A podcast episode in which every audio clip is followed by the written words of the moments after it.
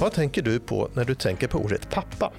Ja, vi har säkert alla en egen bild av hur en pappa är eller ska vara. Och en person som har ägnat flera år av sin forskning om detta är Sarah Mitchell, som närstuderat hur bilder av pappor presenteras och framställs i bild och text.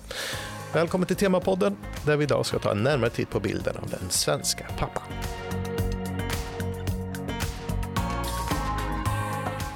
Varmt välkommen Sarah. Berätta lite om dig själv. Vem är du? Hej, ja, kul att vara här. Eh, jag kommer ursprungligen från Sydafrika och ehm, ja, jag flyttade hit till Sverige som masterstudent från början. Jag fick ett, eh, ja, ett stipendium från Svenska institutet och jag mm. läste programmet Child Studies på engelska här på LiU. Och ehm, ja, därefter så fick jag möjligheten att fortsätta som doktorand och det var då jag började min doktorandtjänst där jag ja, har gjort det här forskning. Mm. Och nu är du då doktor på tema barn och du har studerat hur en konstnärlig fotobok förvandlas till ett nation branding-projekt. Berätta om det här projektet. Ja, just det. Så det var egentligen när jag var masterstudent så kom jag på det här fotoutställning. Det var då i um, Arbetsmuseet i Norrköping. Jag och några kollegor tittade på utställningen och vi tyckte det var jätteintressant att titta på hur liksom familjenormer och ideal, idealer framställdes i de här bilderna. Så det var, ja, jag var redan intresserad av maskulinitet och normer och maktrelationer. Så um, ja, det var då jag började intressera mig av utställningen. Och vi kanske ska prata om själva utställningen. Vad är det för utställning vi pratar om och vad visar man här? Ja, just det. Så, um, från början så var det en fotobok av Johan Bävman, så han är en svensk fotograf och han tog bilder på 45 svensk pappor som var då um, hemma med deras barn, föräldralediga pappor. Så det mm. var en viktig grej. Mm. Um, att de här papporna valde att vara hemma med deras barn ganska länge, alltså minst sex månader. Så det var det som han ville visa upp var att um, hur det ser ut att vara pappa, att vara hemma med sina barn och egentligen när det inte är så speciellt, liksom att man behöver inte säga att wow, titta på de här papporna. Egentligen gör de precis det som kvinnor har alltid gjort utan mm. att få beröm. Att de tar hand om barnet, att de diskar och tvättar och så. Att det inte är så liksom speciellt egentligen. Mm. Så det var det han visade i fotoboken och även i sin egen fotoutställning. Och utställningen heter Swedish Dads om jag inte har helt fel. Det stämmer. Mm.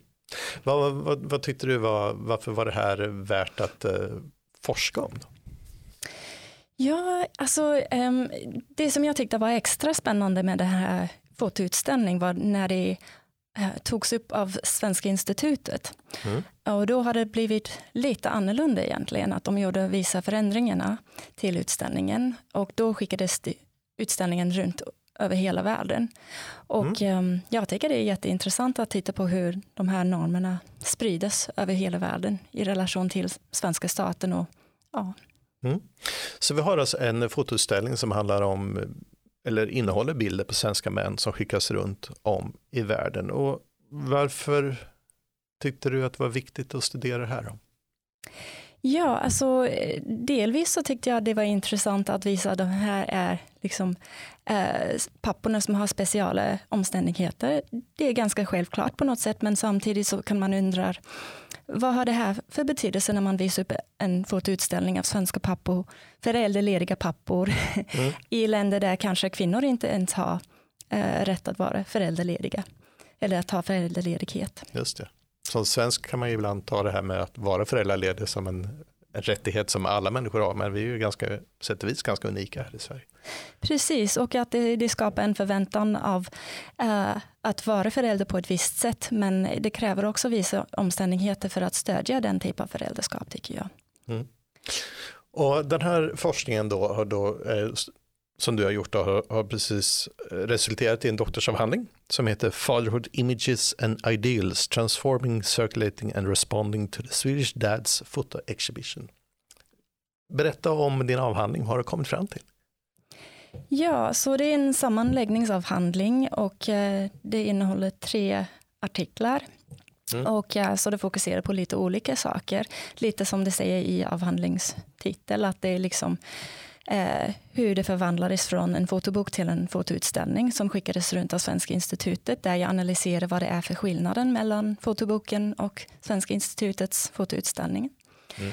Eh, och sen i andra artikeln så tittade jag på um, alltså, eh, ja, Zambian Dads fotoutställning och det var ja, det producerades i Zambia av eh, eh, den svenska ambassaden där i Zambia. Mm. Mm. Av en eh, fotograf som jobbade för ambassaden. Och um, jag tycker också att det är intressant att titta på de bilderna och i det här fallet var extra intressant att titta på eftersom det visades också upp i Sverige.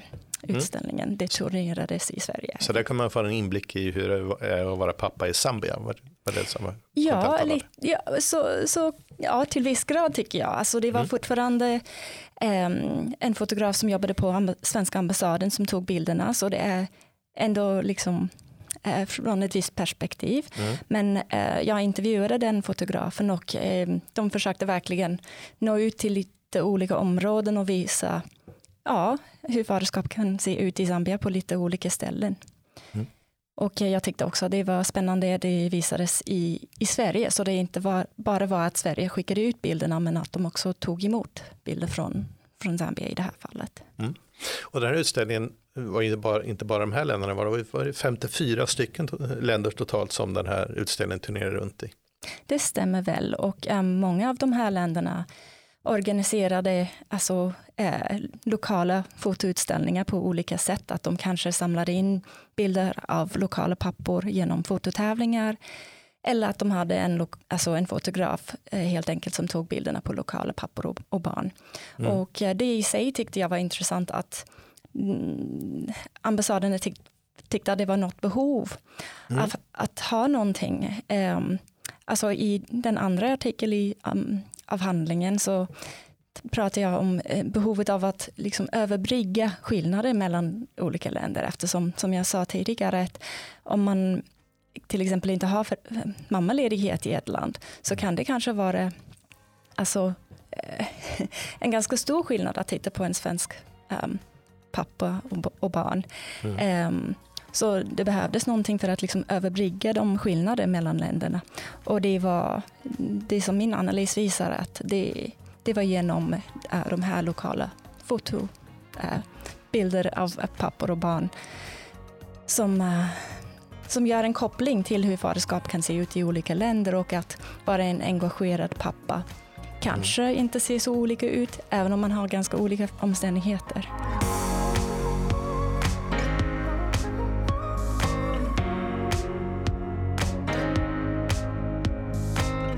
Så den här utställningen då, som turnerar runt i 54 olika länder, det måste ju skilt sig ganska mycket mot den här fotoboken som var grunden eh, från början. Kan du säga om det?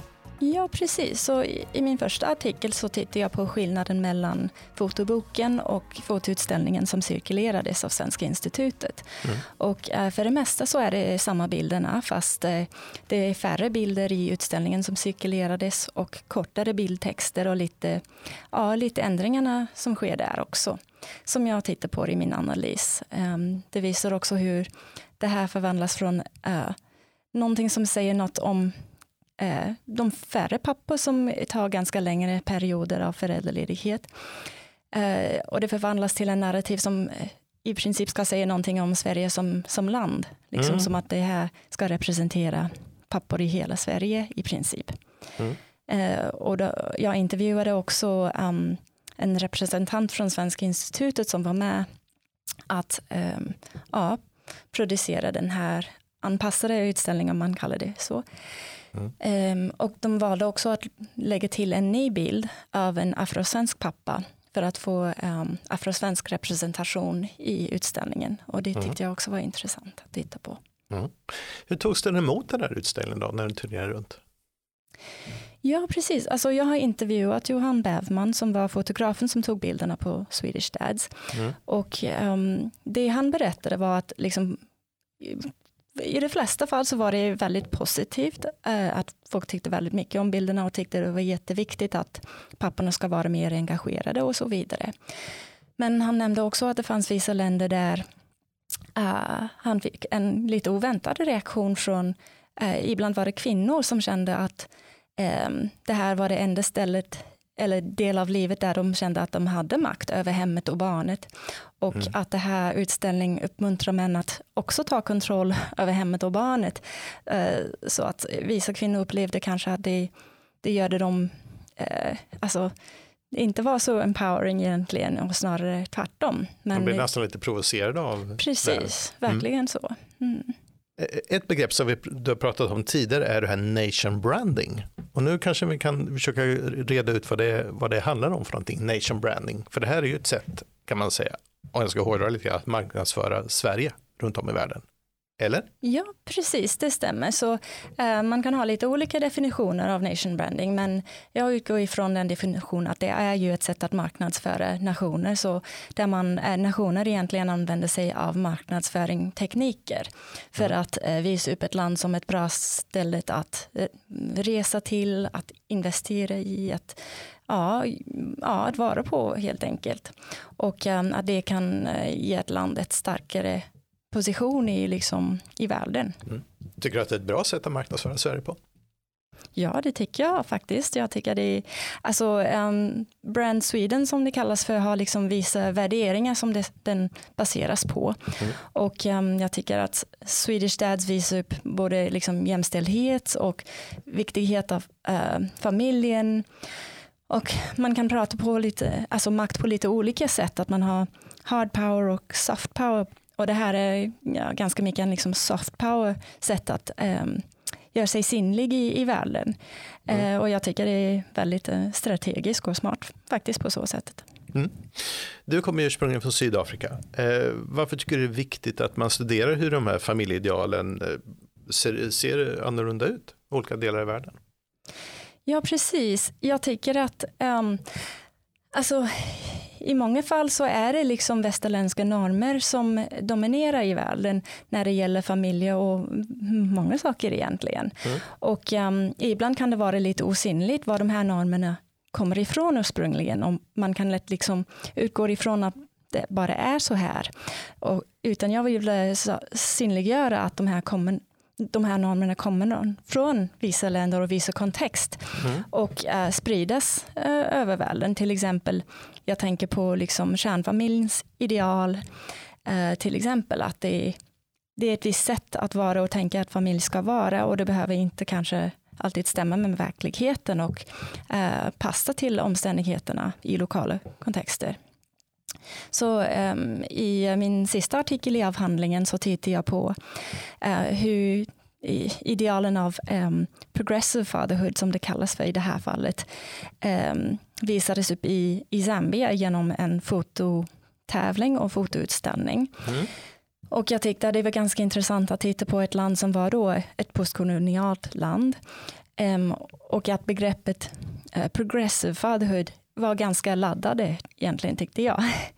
Ja. och det, är det jag tittar på i analysen, hur det här eh, begreppet um, progressive fatherhood visades, kommer fram i bilder och, och texter på, eh, som gäller Zimbabwean pappor. Mm. Kan du säga någonting kort om hur det togs fram och togs emot i Zimbabwe? Uh, Zimbabwean Dads fotoutställning menar du? Ja. ja, precis. Så i Zimbabwe så visades upp um, den här fotoutställningen samtidigt som Swedish Dads. Så man fick titta på bilderna liksom lite tillsammans, mm. som var ganska intressant. Um, de var jättefina bilder. Uh, för att kunna vara med i fototävlingen så behövde man ha ganska bra um, fotogrejer. Alltså det var mm. liksom öppen till publiken men man behövde ändå ha lite kunskap kring fotografi. Mm. Um, och det jag tyckte också var spännande att titta på var relationen mellan bild och text. Så det som berättades i um, bildtexten och hur det matchade eller la till något till det man såg i bilden. Mm. Och egentligen så var det också att det var inte bara kärnfamiljer som gällde där i, i de bilderna av Zimbabwean dads, utan att det var en lite större äh, sätt att tänka på familjen där det kanske också var äh, andra folk, män som var kanske father figure så att säga. Mm. Äh, inte bara den biologiska pappa, det kanske var en annan släkt, alltså en uncle eller så, mm. som var med i bilden, men som var ändå en faderfigur. Så, ehm, och det visades också att det inte bara var en medelklassnorm att visa upp engagerade pappor i lite olika omständigheter och inte bara i den medelklasskontext. Vad tycker du vi kan lära oss av den här forskningen som du har gjort nu och resulterat i den avhandlingen? Ja, precis. Alltså, jag tycker att det kan vara viktigt att tänka på, även när man har kanske jättebra uh, intention så att säga, att mm. um, det kan ändå vara viktigt att tänka på vad det kan ha för konsekvenser, även uh, unforeseen consequences.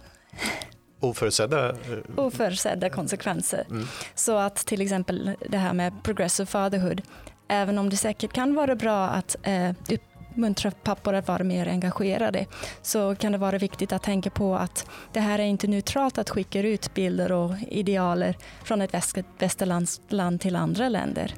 Vad bra Sara, tack så mycket för att du ville komma med och vara med i Temapodden. Tack så mycket. Och naturligtvis stort tack till dig som har lyssnat. Har du synpunkter och tankar kring det du precis har hört kan du mejla dem till temapodden liu.se. Och vill du veta mer om Sarah och hennes forskning så finns det länkar till den i beskrivningen till detta avsnitt. Och vill du lyssna till fler poddar från Linköpings universitet så hittar du dem på adressen liu.se podcast. Jag heter Per Wisbo Nibbe.